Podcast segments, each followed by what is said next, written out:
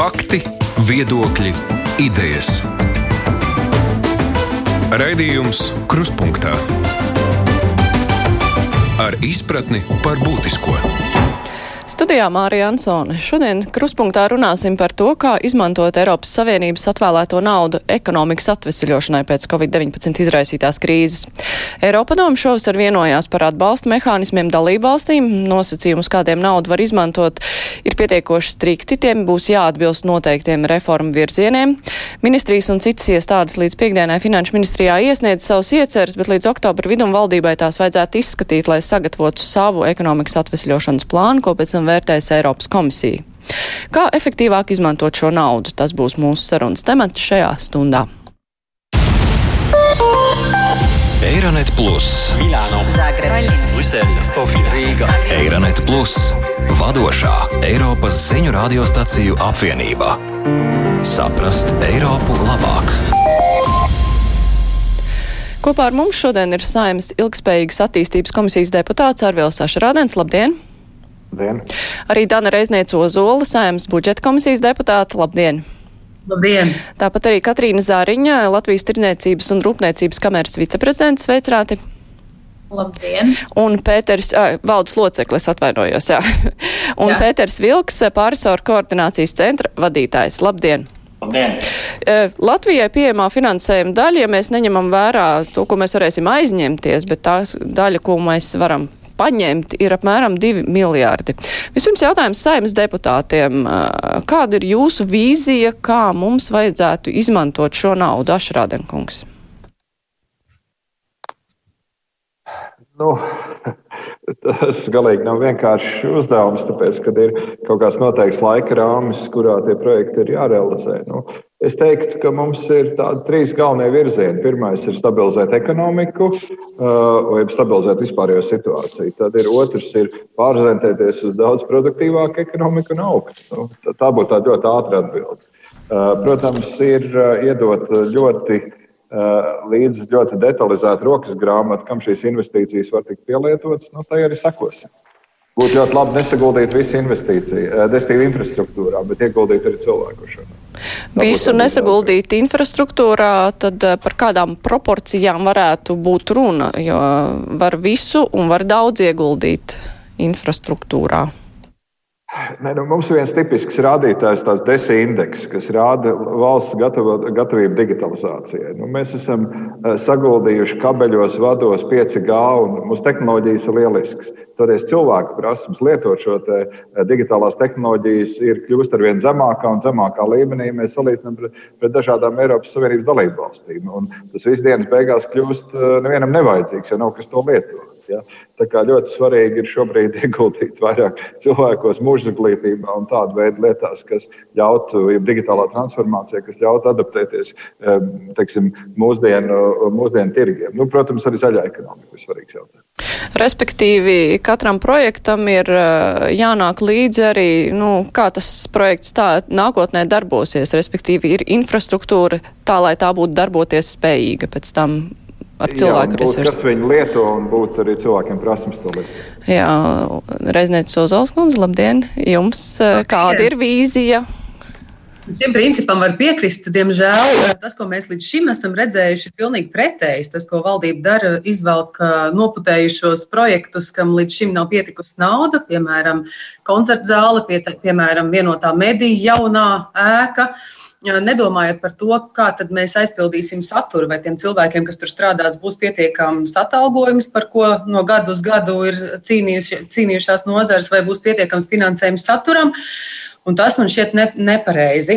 Viens no būtiskajiem principiem man šķiet arī sasaistīt ieguldījumus ar tām reformām, kas jau ir veiktas un kas ir nu, šobrīd arī dienas kārtībā. Nu, piemēram, nu, pat ir bijusi administratīva teritoriālā reforma, apvienotas ir pašvaldības, Nu, bet solītās reģionālās attīstības plāna vēl īsti nav. Un šī ir lieliska iespēja tādu faktiski finansēt, ieguldot gan ceļos, gan darba vietu nodrošināšanā, gan veselības izglītības pakalpojumos. Tad mēs varam minēt arī izglītību, piemēram, Ašrādena kunga izglītības komisijā šobrīd ir augstākās izglītības reforma, augstskolu likums. Ja mēs šādu reformu īstenojam, tad atkal jau lieliski iespēja izmantot Eiropas Savienības līdzekļus, lai nodrošinātu finansējumu izcilībai, zinātnē, pētniecībai, izglītības procesam. Un tā es varētu minēt arī vairākas citas eh, reformas, kur, manuprāt, ir jābūt diezgan gudriem. Jākombinē nauda no uh, Eiropas Savienības, no valsts budžeta līdzekļiem, nu, un, protams, arī struktūra fondiem, kas jau tāpat ir pieejami arī ārpus Covid. Un to, ko nedrīkstētu darīt, nedrīkstētu nu, visādas muļķības salikt uh, zem Covid jumta, vai pat ne muļķības vajadzīgas lietas, bet attaisnojot to ar nepieciešamību Covid seku uh, novēršanai. Nu, piemēram, budžeta komisijā nesen mums bija piedāvātas pārdales no līdzekļiem neparedzētiem gadījumiem dzīvnieku radīto postījumu kompensācijai. Tā ir vajadzīga lieta, bet pamatojums šai, šai finansējuma pārdalē bija Covid seku novēršana. Iedomājieties, ja tiešām dzīvnieki vai daudz vairāk posta apkārtējo vidi Covid laikā. Tas tikai tāds mazs, varbūt pat smieklīgs piemērs, bet patiesībā ļoti slikta tendence, kas jau parādās. Jā, jautājums Vilka kungam, vai Nacionālās attīstības plāns var būt tā kā kompass, tad kādā virzienā skatīties, eh, tad, kad eh, valdība lems par, un finanšu ministrija pirms tam lems par eh, to, nu, kā, kāds būs Latvijas ekonomikas atveseļošanas plāns? Jā, nu, Nacionālās attīstības plāns noteikti varētu būt tāds kompass, un tad ietver tie faktiski gan strateģiskie mērķi, gan arī tās prioritātes, tā faktiski ir tā mēraukla, kurās jomās mums ir jāiegulda. Un visā diskusijas laikā saimā par Nacionālo attīstības plānu, saimnes ilgspējīgas attīstības komisijā, faktiski mēs tieši diskutējām, tad bija ļoti aktuāls tieši laiks Covid šai, šai krīzei, jo tas bija pašā krīzes viducī, un mēs mēģinājām arī vērtēt kādas lietas jau Nacionālajā attīstības plānā ir iekļautas, kuras faktiski būtu ātrāk jāuzsāk finansēt. Un tur ir gan dažādi uh, veselības aprūpas jautājumi, gan tautsēmniecības atbalsta jautājumi, kas jau ir iekļauti Nacionālajā attīstības plānā. Un es teiktu, ka tā galvenā vīzija vai galvenais uh, vēstījums būtu, ka šo naudu, par šo naudu tomēr mēģināt nopirkt nākotnes ienākumus, nevis nākotnes izdevumus. Respektīvi, ka tā ir tiešām ieguldījums nākotnē, ka mēs audzējam savu produktivitāti, apzināmies, kuras ir mūsu vājās vietas un kur tā nauda nu, sniegt vislielāko atdevi. Bet viennozīmīgi Nacionālajā attīstības plānā ir tā mēraukla ielikt strateģiskajos virzienos, jau strat, prioritātēs, kur šo naudu guldīt. Zariņš kundze, no uzņēmē puses, nu, kas ir vislielākās bažas, kas varētu notikt ar šo Covid naudu un kādas būtu uzņēmēju iecers un vēlmes, kā, kā viņi savukārt redzētu efektīvāko šīs naudas izmantošanu? Jā, es domāju, ka tas, ko iepriekšējie runātāji jau minēja, viss ir pareizi un, un, un vērā ņemami. Tas, ko es nedzirdēju un, un ko nedrīkst aizmirst, domājot par to, kā šo naudu gudri ieguldīt, ir, eh, kas notiek mums apkārt, eh, kāda ir globālā situācija, kā mainās ekonomika un kā mēs spējam ar tām aktivitātēm, ko darām šeit, atbildēt uz šiem izaicinājumiem. Un eh, fakts ir tāds, ka, nu, raugoties no uzņēmēja perspektīvas, protams, ir jādara viss, lai Latvijas uzņēmumi, Latvijā radītās preces un pakalpojumi būt pēc iespējas inovatīvāki, ar augstu pievienoto vērtību, lai mēs celtu mūsu produktivitāti un eksporta spēju. Un lai uzņēmumi var pelnīt, var maksāt nodokļus un šos te, um, finansējumu, tātad gan no Eiropas pieejamo, gan arī no valsts budžeta pieejamo, kas tad rodas no nodokļu samaksas, gudri kombinēt un gudri ieguldīt tālākajā attīstībā. No uzņēmēja puses, protams, svarīgi, lai ieguldījumi ir sabalansēti un lai ir skaidrs plāns, kā katrs, kā katrs projekts, kā katra rīcība nesīs ieguldījumu nākotnē, būs ilgtspējīgi, ja, ka mēs spēsim to gan atļauties gan īstermiņā, gan vidējā, gan ilgtermiņā, un ka, nu, ka tam ir atdeve ekonomikā tūlītēji.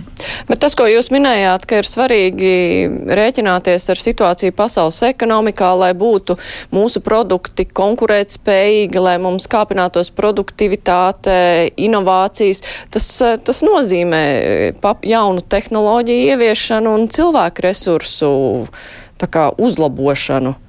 Tad jāiegulda ir šajos virzienos. Protams, ka ir jāiegulda arī ir jāiegulda cilvēkos, bet eh, vienlaikus ir gudri jāiegulda arī infrastruktūrā.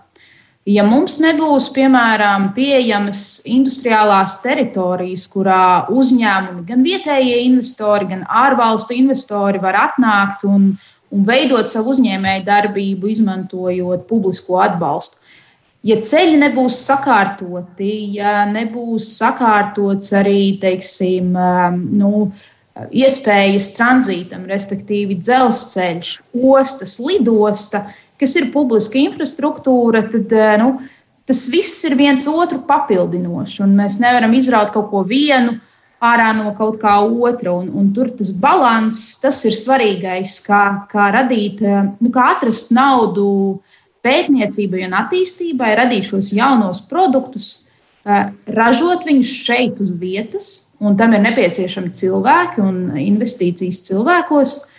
Un, protams, arī spēja šo preci un pakalpojumu pārdot ārējos tirgos un aizvest šo pakalpojumu un preci līdz šiem ārējiem tirgiem. Tā kā, nu, tur, tur ir, tas, es domāju, ir ļoti sarežģīts uzdevums, kā šo balansu atrast Uh, un, un, un, un ne, nenonākt situācijā, ka vieniem ir vairāk, otriem mazāk, bet spēt gudri saprast, uh, kas tad ir tā nākotnes attīstība. Ja? Uh, Ašrādena kungs minēja desmit indeksu, bet nu, mums ir arī citi. Mums ir inovācija indeks, mums ir doing business indeks, ir ļoti daudz indeksu, par kuriem mēs varam domāt, kā celt savu rezultātu šajos indeksos, un tās visas būtu gudras rīcības. Mums droši vien svarīgi, īpaši politiskajā līmenī, saprast, kas tad ir prioritāte. Nu, un raugoties no mūsu perspektīvas, tā ir produktivitāte un eksporta spēja. Jā, nu šajā gadījumā ir viena liela problēma, ir laika ierobežojums, ir e, jau beidzies termiņš, kad ministrijas un citas iestādes varēja pieteikties, nu, iesniegt savas vīzijas. Protams, valdība varēs, e, finanšu ministrija un valdība varēs veikt savas korekcijas. Tajā pašā laikā šis laika ierobežojums. Nu, vai tas nav iemesls, kāpēc galu galā tomēr ministrijas un iestādes izvilka savus vecos projektus, kuriem nav bijusi nauda pirms tam? vai arī kaut kādām reformu koncepcijām vajadzēja būt jau gatavām, tā kā turēt azotē, ko tagad celt laukā vilkungs, kā jums šķiet? Nu, tas laika ierobežojums zināmā mērā ir noteikts jau pašā instrumentā, jo tas instruments ir ļoti ātri jāuzsāk. Viņš faktiski jāuzsāk 21. un 22. gadā. Līdz 23. gadam faktiski jābūt skaidriem visiem projektiem un jābūt noslēgtiem visiem līgumiem. Tās saistības var turpināties līdz 2026. gadam, bet tiem projektiem jābūt ļoti augstā gatavības pakāpē. Un uh, Latvijā, diemžēl, lielie infrastruktūras projekti iet ļoti, ļoti ilgi. Nu, viens piemērs ir, ir par to, ko valdība tikko pieņēma lēmumu par ķekavas apvedu PPP projekts. Viņš faktiski pirmās diskusijas valdībā notika 2014. gadā. Pašreizajā brīdī nu, līgums noslēgts, un tas projekts vēl pat nav sācis īstenoties. Tā kā tiem projektiem jābūt ļoti augstai gatavības pakāpei, un viņiem jābūt nosacīts šķirotiem pēc, es teiktu, tas pirmais kriterijs droši vien ir vieglāk atmest projekts un vienoties par to, ko mēs neīstenojam, kas nav tie projekti, kas nekvalificējās. Skatīties uz tiem indeksiem ir, protams, ļoti labi. Tie indeksi tikai parāda mūsu tās vājās vietas un faktiski tās tirgus nepilnības, kuras nav gatavi uzņemties uzņēmēji. Bieži vien, īpaši tautsēmniecības sektorā, ir ļoti grūti pateikt, kādus projektus atbalstīt un kādus nē. Un tas kriterijs, ko, ko es katrā ziņā redzu, ir apstīties tirgus nepilnības Eh, kas ir tā riska pakāpe, ko nav gatavi uzņemties uzņēmēji, bet valstī piepalīdzot valstī sniedzot papildus atbalstu, tāds projekts var tikt īstenots. Un šis ir ļoti labs brīdis, jo arī visā Eiropas Savienībā saistībā ar Covid krīzi valsts atbalsta šis diezgan stingrais regulējums, viņš zināmā mērā ir mīkstināts, un tas mums pašreiz ir jāizmanto. Lai tanīs jomās, kur mēs citādi nevarēsim sniegt uh, valsts atbalstu, tā skaitā arī specifiskiem uzņēmumiem, mēs to pašlaik ar šo, šo, uh, šiem resursiem varēsim darīt. Bet tad mums šobrīd ir jākoncentrējas arī ņemot vērā šos laika ierobežojumus jau uz esošiem reformu projektiem, uz jau aizsāktām reformām, nevis kaut ko darīt un pēc tam reformu tad jau piemeklēs Ozols kundze. Nu, jā, es tam pilnīgi piekrītu, īpaši ņemot vērā, ka šim uh, finanšu instrumentam ir iespēja jau uh, attiecināt izdevumus no šī gada sākuma. Nu, Tas ir tas, ko Eiropas komisija no savas puses grib, lai mēs nevis tagad steigšu, mā, steigšus mākslīgi izdojam, izdomājam kādas reformas, bet uh, šos līdzekļus ieguldām tajās jomās, kur mēs redzam, ka mums ir ir vai nav Eiropas nauda, ir vajadzīgas pārmaiņas un, un uh, uzlabojumi. Bet vēl tas, kas manuprāt ir jāņem vērā, nu, tā ir iespēja atbrīvot valsts budžeta līdzekļus.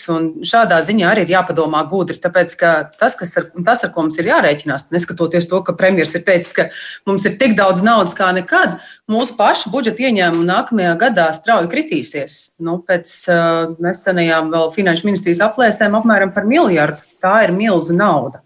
Un tā ir, tas ir finansējums, kas mums ir ļoti vajadzīgs ikdienas valsts dzīves uzturēšanai, atalgojumam, skolotājiem, mediķiem, policistiem, izglītības pasākumiem, viss tas, ko mēs nevaram nofinansēt no Eiropas, finan no, no Eiropas naudas. Un, nu, tas ir vēl viens aspekts, kas ir, manuprāt, jāņem vērā, kā atvieglot mūsu valsts budžeta tēriņus, aizvietojot uh, mūsu pašu līdzekļus ar Eiropas naudu, lai jau savus līdzekļus, kuru būs stipri mazāk, mēs varētu uh, ie, ie, ieguldīt, piemēram, garantētā minimālā ienākuma līmeņa pacelšanai tiem nu, vismazāk nodrošinātajiem sabiedrības locekļiem, kam es domāju, ka tagad krīzes laiks bija vissmagākais.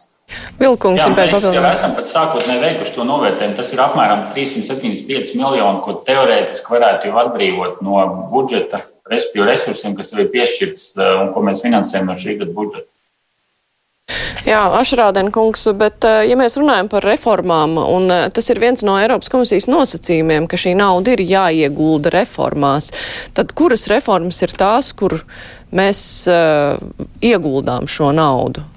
Viena ir pieminēta administratīva teritoriālā reforma, kas jau ir aizsākta, bet ir vēl kas? Jā. E, man liekas, ka tā jūs ļoti pareizi mēs aizgājām tajā diskusiju virzienā, ka nu, tas būtu nepareizi. Tagad ir paziņots par instrumentu, un mēs mēģināsim izdomāt kaut kādas jaunas reformas. Skaidrs, ka laba, ir, ir divi veidi tādi nu, reformu pieteikumu kanāli. Viens ir Nacionālais attīstības plāns, ar ko strādā Vilkungs, un tur ir dažādas reformas iezīmētas. Ja mēs skatāmies no tādām operacionālām reformām, nu, lielākā, protams, ir administratīva teritoriālā reforma, tā ir fundamentāla Pārējai tomēr no 112 uz 42, 119 uz 42 pašvaldībām. Tas ir liels, liels notikums. Noteikti, ja mēs runājam par reformām, ir augstākās izglītības reforma. Mēs visi gribētu redzēt starptautisku konkurētu spēju augstāku izglītību. Nekur jau nav pazudusi arī izglītība, vispārējās izglītības reforma. Ja? Tas ir efektīvāks skolu tīkls, pārējais jaunu kvalitatīvu saturu uz daudzām šādām lietām. Eh, tas, kas būtu svarīgi, to, ko es mēģināju pateikt sākumā, tad eh, tas, kas, nu, ja mēs, darī, mēs teiksim, sāksim veikt to atlasi, tad, protams, mēs ieraudzīsim, ka vieglāk, kā vienmēr, ir tikt galā ar tā saucamiem cietiem, bet infrastruktūras projektiem. Tie būs ceļi vai, vai kādas būves vai, vai kas savādāk. Un pareizi jau ir aizniedzis kundze pieeja, ka viņi saka, būtu jābūvē ar noteikumu, ka mēs aiziet, teiksim, pēc tam mēs atbrīvot budžeta izdevumus nākotnē kādām citām lietām. Bet es, es aicinātu vēlreiz atcerēties, ka arī šīs te, eh, nu, tādas lietas kā pieauguša izglītība, ar ko mēs buksējam ilgstoši, un tur nekas nenotiek. Ja?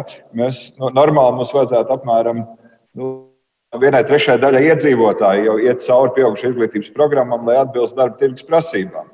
Savukārt mums ir kādi 5-7% iedzīvotāji. Nu, tā tas būtu tās galvenās pieejas, kā vajadzētu rīkoties.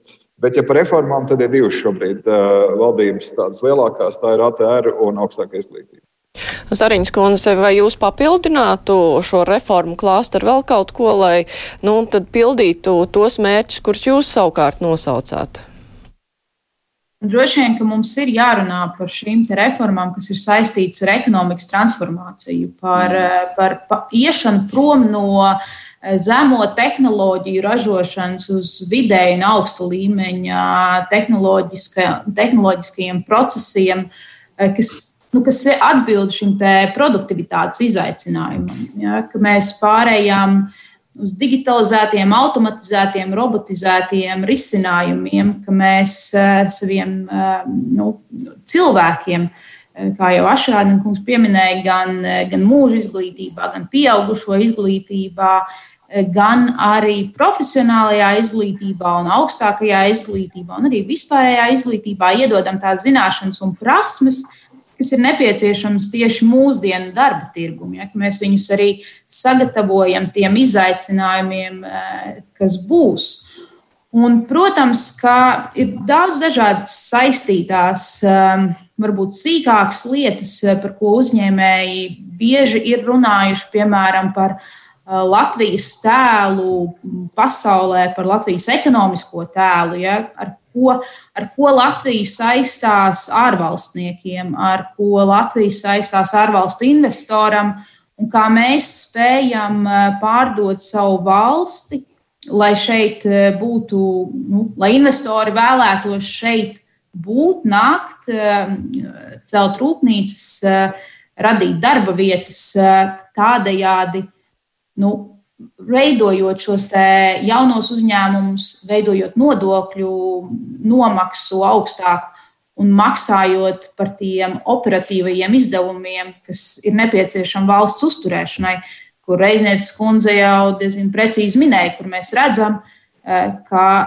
krītoties eh, iekšzemes koproduktam, Finanšu ministrija jau prognozē, ka ienākumi samazināsies. Un, uh, izdevumi visdrīzāk eh, nu, tik strauji nemazināsies. Un mums ir jāsaprot, kā mēs šo Eiropas naudu gudri ieliekam tajā, lai uzņēmumi var strādāt, maksāt nodokļus un lai tas ienākumu kritums tomēr nav tik strauji un nepatīkams. Bet vai, jā, Ozols, Jā, Eiropas komisija savā plānā vai tajos ierobežojumos arī ir noteikusi, ka vienai lielai daļai no šīs naudas būs jābūt izmantotai vidas mērķu sasniegšanai - 35% kā minimums. To jau arī nevar aizmirst un jāliek aiz auss. Un patiesībā manī nu, mulsina arī tā mūsu pieeja šajā jomā, ka mēs tādu soli uz priekšu, divus solus atpakaļ visu laiku speram. Piemēram, Eiropas fondu finansēto projektu sarakstā bija elektrifikācijas projekts, kas lielā mērā atrisinātu CO2 izmešu samazinājumu, kas mums ir obligāti noteikts un ir sasniedzami mērķi, kas ir gan ambiciozi un ko mēs esam apņēmušies. Tas tika atcelts, nauda ir sadalīta nu, labām lietām, bet pilnīgi maz saistīta ar vidas mērķu sasniegšanu. Tāpēc arī šis finansējums ir teiktu, jāliek atkal jau vidas mērķu sasniegšanai, jo citādi, ja mēs tagad neizmantosim Eiropas naudu, neizmantosim dāvinātu naudu, tad gal galā mēs nonāksim situācijā, kad mums tiks uzlikti papildu nodokļi, piemēram, automašīnām un citiem no CO2 izmešu avotiem, lauksaimnieki uzņēmēji no tā cietīs stipri, stipri daudz. Tā, tas ir vēl viens virziens, par kuru kolēģi neviens nerunāja, bet uh, es teiktu, kritiski svarīgs. Jāizmanto šobrīd Eiropas nauda, lai pēc tam nebūtu no valsts budžeta un no mūsu maciņiem jāvelk naudu ārā, lai tos ambiciozos mērķus sasniegtu. Nu jā, ja vēl ir konkrēti minēts, ka tie ir 35%. Vismaz. Es pat teiktu, 45, 35, 45%. Un, uh, jāsaka, ka tā ir viena no tādām nu, ekonomikas transformācijas būtiskiem jautājumiem. Tur es pilnīgi noteikti piekrītu kolēģei Ozols kundzei, jo, uh, jo tur ir tas vēl viena lieta, ja mēs, ja mēs neizdosies šajā periodā transformēt ekonomiku, tad viena no mūsu lielākajām tautsājumniecības nozarēm, lauksaimniecība, cietīs visvairāk. Ja, jo turpmāk arī tiešmaksājumi ir saistīti, ja šī te, nu, nozare piemērojās zaļajām tehnoloģijām. Ja viņi to nedara, tad tas nebūs. Otrs lielais jautājums, ja mēs nespēsim transformēt ekonomiku, tad patiesībā mēs kā viena zemākas ekonomiskās attīstības pakāpes valsts būsim šo zaļo tehnoloģiju pircēji, nevis radītāji. Ja? Tā kā nu, jāpiekrīt, ka šī ir arī viens aspekts, leņķis, ar kuru ir jāskata jebkuras investīcijas. Tātad gan tautsājumniecības infrastruktūras piemērošana, gan arī spēja domāt uh, šo te zaļo tehnoloģiju līmenī un radīt jaunus notikumus šajā te, uh, ekosistēmā, zaļo, zaļo zaļo industri, zaļās industrijas ekosistēmā. Jā. Bet eh, tīri tehniski, ja mēs runājam par ieguldīšanu tehnoloģijās, eh, nu, kas attiecās uz privāto sektoru, kā tas īsti notiek? Jo ir skaidrs, ka, nu, jā, ka šo naudu var valsts izmantot, pasūtot kaut kādus uh, konkrētus projektus, kas attiecās uz pašvaldībām vai uz ceļiem un tam līdzīgi. Bet uh, vai būs atvērti kaut kādi granti, kur var pieteikties uzņēmēji, vai ir šobrīd skaidrs, nu kā tad uh, līdz uzņēmējiem tā nauda vispār varēs nokļūt tīri praktiski? Varbūt es vienkārši es saprotu, ka arī šī Eiropas atvesaļošanas finansējuma nauda nu, būs eh, tas eh, ieguldīšanas mehānisms, būs līdzvērtīgs jau esošajam Eiropas Savienības um, struktūra fondu un kohēzijas fondu ieguldīšanas mehānismam. Respektīvi, mēs runājam par atbalsta programmām, uh, gan grantu, gan finanšu instrumentu veidā. Man ir eh, izdevies paskatīties uz ekonomikas ministrijas eh, iesniegtajiem priekšlikumiem finanšu ministrijai šo, šim, šim te, nu, šim te mm, Eiropas atvesaļošanas naudai un, un kur viņi varētu tikt ieguldīti. Un, attiecīgi, nu, tas, tas droši vien nozīmētu, ka būtu gan, gan projektu atlases, gan, gan kritēriji, gan noteikumi, nu, kas, protams, būtu nu, kārtējo reizi pietiekami sarežģīts administratīvs process. Bet, nu, ja mēs runājam par publiskiem līdzekļiem, tad droši vien no tā īsti pat nevajadzētu mēģināt izvairīties, jo tas nodrošina atklātību un, un caurspīdību un, un arī redzamu to rezultātu, ja, kur šī nauda nonāk un, un kādi ir ieguvumi sabiedrībai kā kopumam. Nu, es redzu, ka nu, viens no veidiem, kā šos līdzekļus novirzīt uzņēmējiem, ir sniegt atbalsts un grantu, grantu veidā gan energoefektīvu ražošanas ēku būvniecībai, rekonstrukcijai, gan energoefektīvu ražošanas iekārtu iegādēji, pārējot īpaši tajos gadījumos, kur vēl ir vecs un energoefektīvas iekārtas, pārējot uz jaunām, modernām, produktīvākām, vidēji nekaitīgākām iekārtām. Nu, un, nu, un kopumā energoefektīvs transports tā ir viena joma, kurā mēs joprojām atpaliekam no tiem mērķiem, ko paši esam uzņēmušies, būtiski. Uh, Un tāpēc eh, dzelzceļa elektrifikācija, elektriskā eh, automašīnu izplatīšana un dažādu atbalsta formu piedāvāšana gan grantu veidā, gan staciju tīkla paplašināšanā, gan arī nodokļu atvieglojuma veidā, tie ir praktiski piemēri, kā mēs varam to atbalstu sniegt. Un jau diezgan īsā laikā. Jā, es atgādināšu klausītājiem un Latvijas televīzijas skatītājiem, ka kopā ar mums šodien ir Saimnes ilgspējīgas attīstības komisijas deputāts Arvils Ašerādens, Saimnes budžeta komisijas deputāta Dana Reizniece Ozola, Latvijas tirdzniecības un rūpniecības kameras valdes pārstāve Katrīna Zariņa un pāresoru koordinācijas centra vadītājs Pēters Vilks. Raidījums Krustpunktā. Mēs tagad telefoniski esam sazinājušies ar Eiropas komisijas pārstāvniecības Latvijā vadītāju pienākumu izpildītāju Andri Kužnieku. Labdien, Kužniekungs! Labdien! Jā, mēs jau nu, pat runājam par to, kā tad eh, šī nauda, šie divi miljārdi, tajā skaitā varēs nokļūt arī līdz uzņēmējiem, jo te tika runāts, ka ir nepieciešams Latvijā ieguldīt uh, tehnoloģijās, uh, bet uh, kā šī nauda reāli tad tiek līdz tam uzņēmējiem, vai tas būs līdzvērtīgi kā Eiropas Savienības fondu nauda, pie, piesakoties kaut kādu projektu veidā, vai kāds tīri praktiski notiks?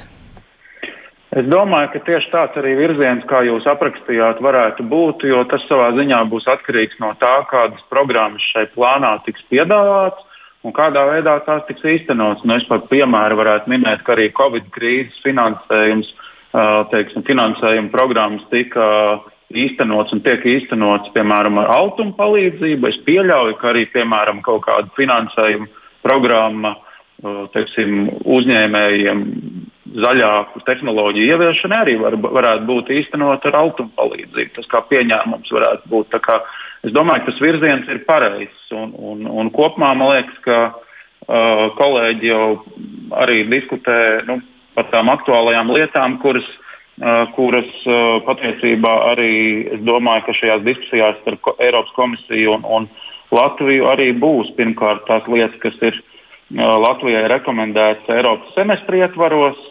Šī gada maijā bija pēdējās rekomendācijas aktuālās. Plus arī visas politikas, kurās Eiropas Savienībā ir prioritāte. Tātad zaļā transformācija, digitālā un ekonomikas noturība šajā krīzē. Bet no Eiropas komisijas puses nu, pagaidām vēl nav zināmas precīzas šīs vadlīnijas, kādiem projektiem nauda būs drīzumā tās, bet nu, tie pamatvirzieni tagad jau ir zināmi. Eiropas komisija, nu cik skrupulozi tā varētu vērtēt projektus, to pamatotību, jo nu, finanšu ministrija būs tā, kas ap, ak, akceptēs un valdība akceptēs šo atvesaļošanās plānu kopumā. Vai Eiropas komisija skatīsies konkrētus projektus vai tikai nu, tādus pamatvirzienu, tad, par ko mēs esam izšķīrušies? Jā, tik tiešām tātad precīzas vadlīnijas mēs ļoti ceram tiks apstiprināts tuvākajās dienās un būs drusku lielāka skaidrība kā Eiropas komisija vērtēs. Eh, bet es domāju, ka tas, ir, tas būs, eh, teiktu, savienojams noteiksim eh, virknes reformu, kas ir jāveic.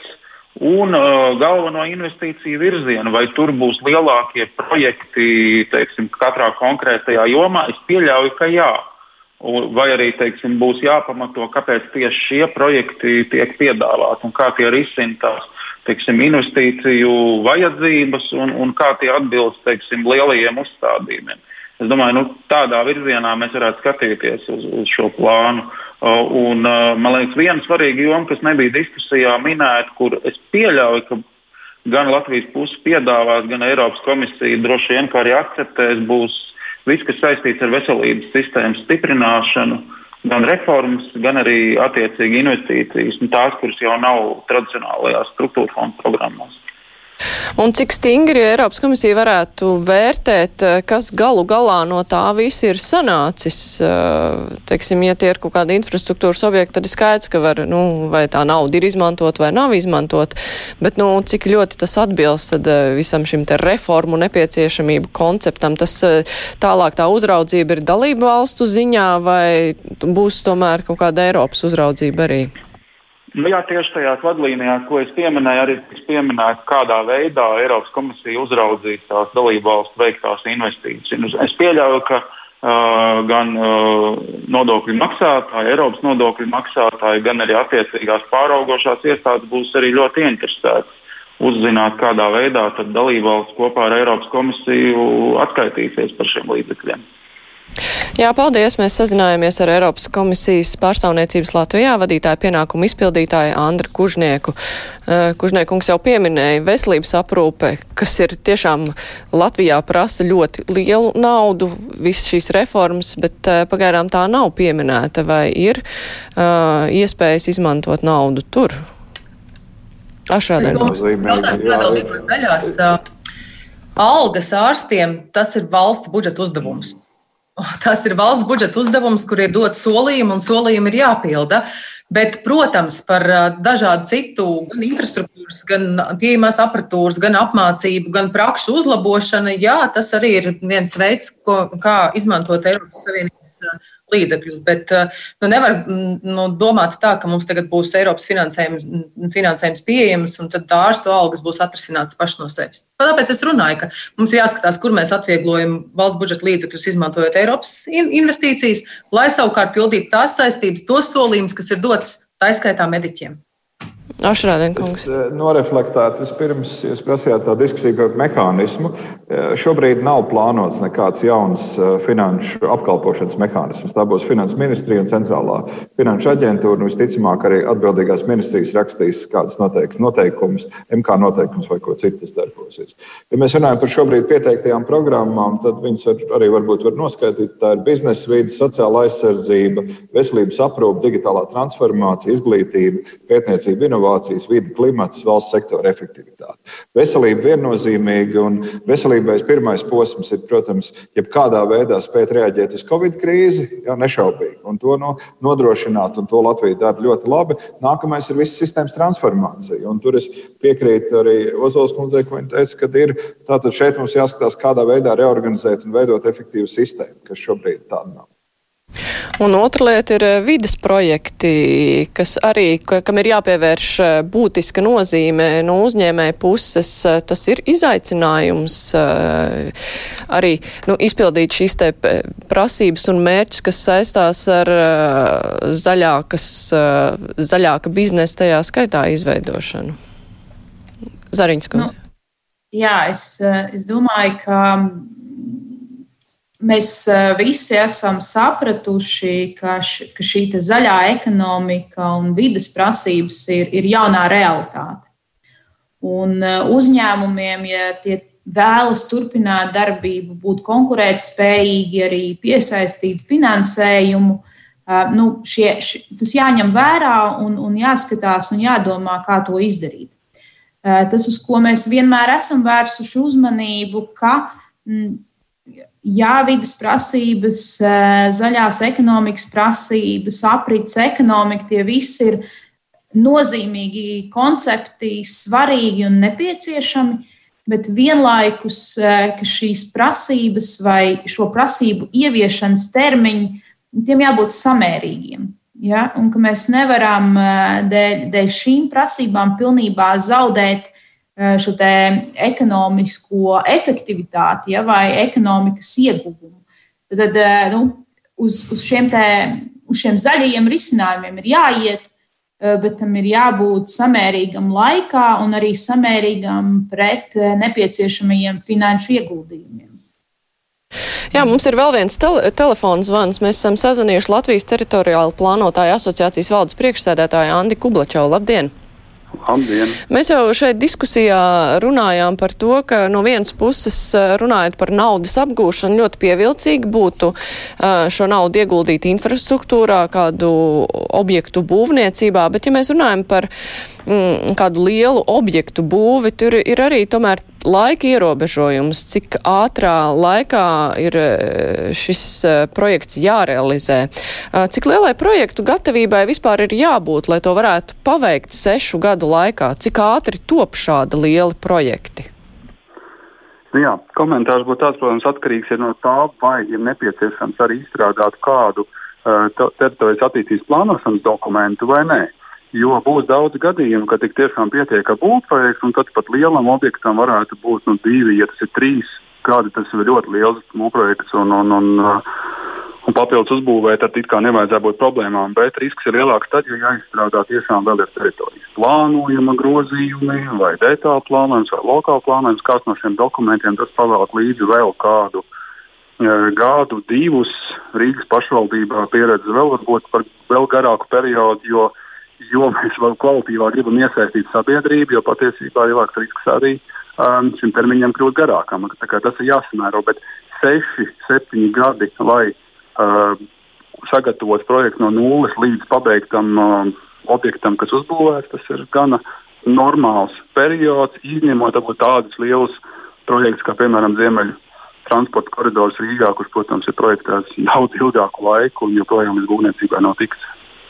Bet eh, nu, kas notiek ar eh, kaut kādu lielu objektu iekļaušanu pilsētvidē? Kas atbild par šo infrastruktūru? Vai var runāt vispār par atsevišķiem objektiem, nedomājot par to, kā tas iekļausies, kāda būs infrastruktūra? Un, mm. jā, vai tam ir visam jāiet roku rokā? Tam ir jāiet roku rokā, un tāpēc, piemēram, katrai pašvaldībai, tā skaitā arī Rīgai, tomēr ir šie ilgtermiņa plānošanas dokumenti, kur gana uh, precīzi tiek strukturēts un ieteikts šīs prioritātes, kādi ir iecerētie projekti. Un tad jau vairāk tā ir tāda politiskā izšķiršanās, ko pa priekšu laist, ko nē, un cik tālu šiem dokumentiem sekot. Pašvaldībai būtu pienākums sekot šiem te, uh, ilgtermiņa plānošanas dokumentiem. Tie tomēr izgājuši cauri visam plānošanas procesam, arī sabiedrības iesaistēji. Bet mēs nevaram izslēgt šo politisko faktoru, kad ir tiesības, protams, pārskatīt no gada uz gadu kaut kādas at, at, atbilstošās prioritātes. Jā, paldies. Mēs sazinājāmies ar Latvijas teritoriālu plānotāju asociācijas valdes priekšsēdētāju Andi Kublačovu. Uh, šajā diskusijā parādījās. Uh, jā. Es gribēju mācīt komentāru. Jā, ļoti jauki, ka Pugačovs kungs pieskārās tam Rīgas jautājumam. Ir, es varētu teikt, ka Rīga zināmā mērā ir atgriezusies, ja es ceru, ka atgriezīsies apstiprinot jaunās domas mandātu tādā politiskā apritē. Un, ja mēs runājam zaļo projektu kontekstā, tad Rīga slēp patiesībā sevī vislielāko potenciālu, tas tā saucamiem emisiju ierobežojumiem. Ja mēs pārkārtojam Rīgas transporta sistēmu un sagatavojam attiecīgu infrastruktūru, tad iegūmi būs ļoti lieli. Tā kā ceram, ka Rīgas domas jaunā komanda sāk strādāt, un mēs redzēsim labus projektus no turienes. Jā, bet eh, šie infrastruktūras eh, projekti ir viena daļa. Mūsu diskusijā parādījās vēl vairāk virzienu, kuros vajadzētu strādāt. Tajā pašā laikā nu, tas eh, naudas apjoms droši vien būs ierobežots. Nu, respektīvi, naudas pieprasījuma būs vairāk nekā nauda būs pieejama. Bet kam vajadzētu dot pie, priekšroku tajā brīdī, kad parādās konkurence Vilka kungs? Nu, lai dotu kādam priekšroku no sākuma, jāvienojas. Es ieteiktu vienoties par tiem kritērijiem, kas ir tā mēraukla. Tiešām nu, tā ir tāda projektu vērtēšana, viņa salīdzināšana. Un, un, protams, ir ļoti grūti pateikt, ka konkurē kāda sociālās aprūpes teiksim, projekti vai sociālā tīkla projekti ar uzņēmēju atbalsta projektiem. Tie ir divi dažādi projekti, un tāpēc tas sākums būtu vienoties kaut vai par tiem lieliem blokiem, kāda to bloku īpatsvars ir kopējā, kopējā investīcija portfelī. Jo, protams, ja mēs skatāmies tieši uz ekonomikas sadaļu, tad es pieļauju, ka tautsēmniecības un, un ekonomikas projektiem tā deva krietni lielāka nekā sociālās teiksim, noturības projektiem. Bet tiem arī ir ļoti nozīmīgi un no tāda publisko izdevumu viedokļa viņi ir arī zināmā mērā ilgspējīgi. Ja mēs ar šo finansējumu spējam radīt arī teiksim, ilgspējīgu sociālās aizsardzības sistēmu. Tas arī ļoti vērtīgi ir un ņemot vērā arī īpaši Covid krīzes ietekmi. Un kāds varētu būt šis sadalījums, Sariņas kundze, kāds būtu jūsu redzējums? Nu, būtībā jau Eiropas komisija ir pateikusi, ka, lai šo finansējumu mēs iegūtu, mums ir jāizpilda viņu Eiropas semestra rekomendācijās fiksēt, fiksētās re, rekomendācijas. Ja? Nu, tad tās problēmas, eh, kuras ir jāatrisina, ir zināmas. Komisija gan nav pateikusi, ka šīs problēmas jāatrisina ar šo atvesaļošanas finansējumu. Tā kā, nu, tās, tie risinājumi var būt gan reformas, gan, eh, gan finansējums no valsts budžeta.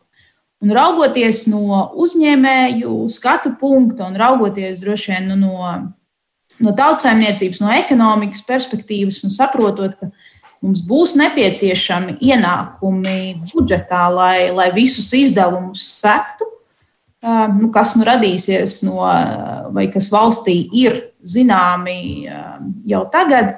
Nu, mums ir nepieciešama uzņēmuma, mums ir nepieciešams darba vietas, mums ir nepieciešami ienākumi, nodokļu maksāšana. Nu, Mēs nevaram plānot uh, savus ienākumus div, nākamajai 20 gadē tikai no papildus nākotnes Eiropas Savienības finansējuma. Mums ir jāsaprot, kā attīstīt tautsājumniecību, ekonomiku, uzņēmēju darbību, lai mēs esam konkurētspējīgi, varam pārdot savus preces un produktus par augstāko cenu ārējos tirgos, maksāt nodokļus, audzēt IKP un samaksāt par tām vajadzībām, kas mūsu sabiedrībai ir. Un, un, protams, ka tad, ja raugās no šīs perspektīvas, tad nu, fokusam būtu jābūt uz eh, uzņēmēju darbības atbalstu, uz produktivitāti, uz eksporta spēju, uz pārēju uz augstā, augstajām tehnoloģijām. Ozols kundze. Man šķiet, viens svarīgs princips ir uh, atbalstīt tādus projektus, kas ļaus pelnīt, atbalstīt tādus projektus, kas atbrīvos līdzekļus valsts budžetā, kurus izmantot sociālam atbalstam gan pensionāriem, gan mazāk nodrošinātajiem. Uh, un uh, vēl viena lieta, kam es vēlos pievērst uzmanību, kamēr mēs darām, dalām Eiropas miljardus un domājam, kur būvi uzbūvēt un kādu ceļu nogludināt, man šķiet ļoti svarīgi pašiem mājās nedarīt muļķības un neiznīcināt uzņēmējus tie, kur ir mazie saimnieciskās darbības veicēji, viņi varbūt nebūs ne, nekad lielie eksportētāji, bet viņi nodrošina sev darba vietas un savām ģimenēm. Un te es runāju par jauno nodokļu politiku, kura pretēji tam, ko Eiropas komisija saka, ka ir jāsamazina nodokļu zem atalgojuma saņēmējiem, faktiski ar minimālām sociālām iemaksām. Pat ja tu tik daudz nenopelni, Tieši otrādi būtiski palielinās nodokļu slogu mazo algu saņēmējiem un vēl plāno iznīcināt mazos nodokļu režīmus, kā patentu maksas, kā mikro uzņēmuma nodokļu maksātāji, kā autora atlīdzību nodokļu maksātāji. Nu jā, nu tas jau ir, es... bet tas ir cits stāsts, tas ir tas mājas darbs, kas ir jāveic eh, šī nodokļu reforma tepat uz vietas un kur eh, mēs neizmantosim šos te Covid miljārdus. Tas nav, tas nav tik tāds, tāpēc ka Eiropas Savienība no savas puses dodot šo naudu taisnība arī Zariņas kundzei ir devusi komplektā virkni rekomendāciju sociālās pilvena palielināšanai, nodokļu sloga samazināšanai, kuram viņi sekos. Jo tu nevari prasīt no Eiropas naudu un pats izlikties, ka tev savu mājas darbu nav jāpilda. Nu jā, Ašarādenkungs par prioritātēm runājot un priekšroku, ja pēkšņi parādās jā. konkurence. Jā, Reiznieks kundze drusku, man liekas, pārspīlēja, jo tomēr mēs runājam par Eiropas Savienību, tad nav tāda, teiksim, tāda mikro uzņēmuma nodokļu režīma, tāds, laikam, Latvija to ir tāda unikāla. Un, Ehm, ja un, un, man liekas, ka mums vajadzētu drusku iet no tās savas īpašās unikalitātes prom. Un, un, eh, mēs redzam, ka tas ekonomikas modelis ir novedis pie tā, ka visām trim Baltijas valstīm mēs esam vissliktākajā stāvoklī, kā attīstās ekonomika. Nu jā, bet par un, prioritātēm mums vienkārši nav vairs daudz laika labi, runāt par nodokļu reformu. Jā. Tas, tad es teiktu, ka tā prioritāte tomēr ir uh, ekonomikas transformācija. Mēs sakām, ka tie 30-40% zaļa ekonomika, ja mēs to nerespektēsim, mēs maksāsim ļoti dārgu cenu. Otrs ir gudras investīcijas tiešām pievienotajā vērtībā un, un to prioritizēt. Pārējo mēs varētu darīt pēc tam. Un tā kontekstā, protams, es neaizmirstu, kas būtu arī kontekstā šo te ir izglītība. Izglītība, izglītība vēlreiz. Cilvēkiem trūkst katastrofāli, trūkst prasmes jauniem darba tirgiem. Viena lieta, kas ir parādījusies arī diskusijās par Covid naudas dalīšanu, ir necaurspīdība.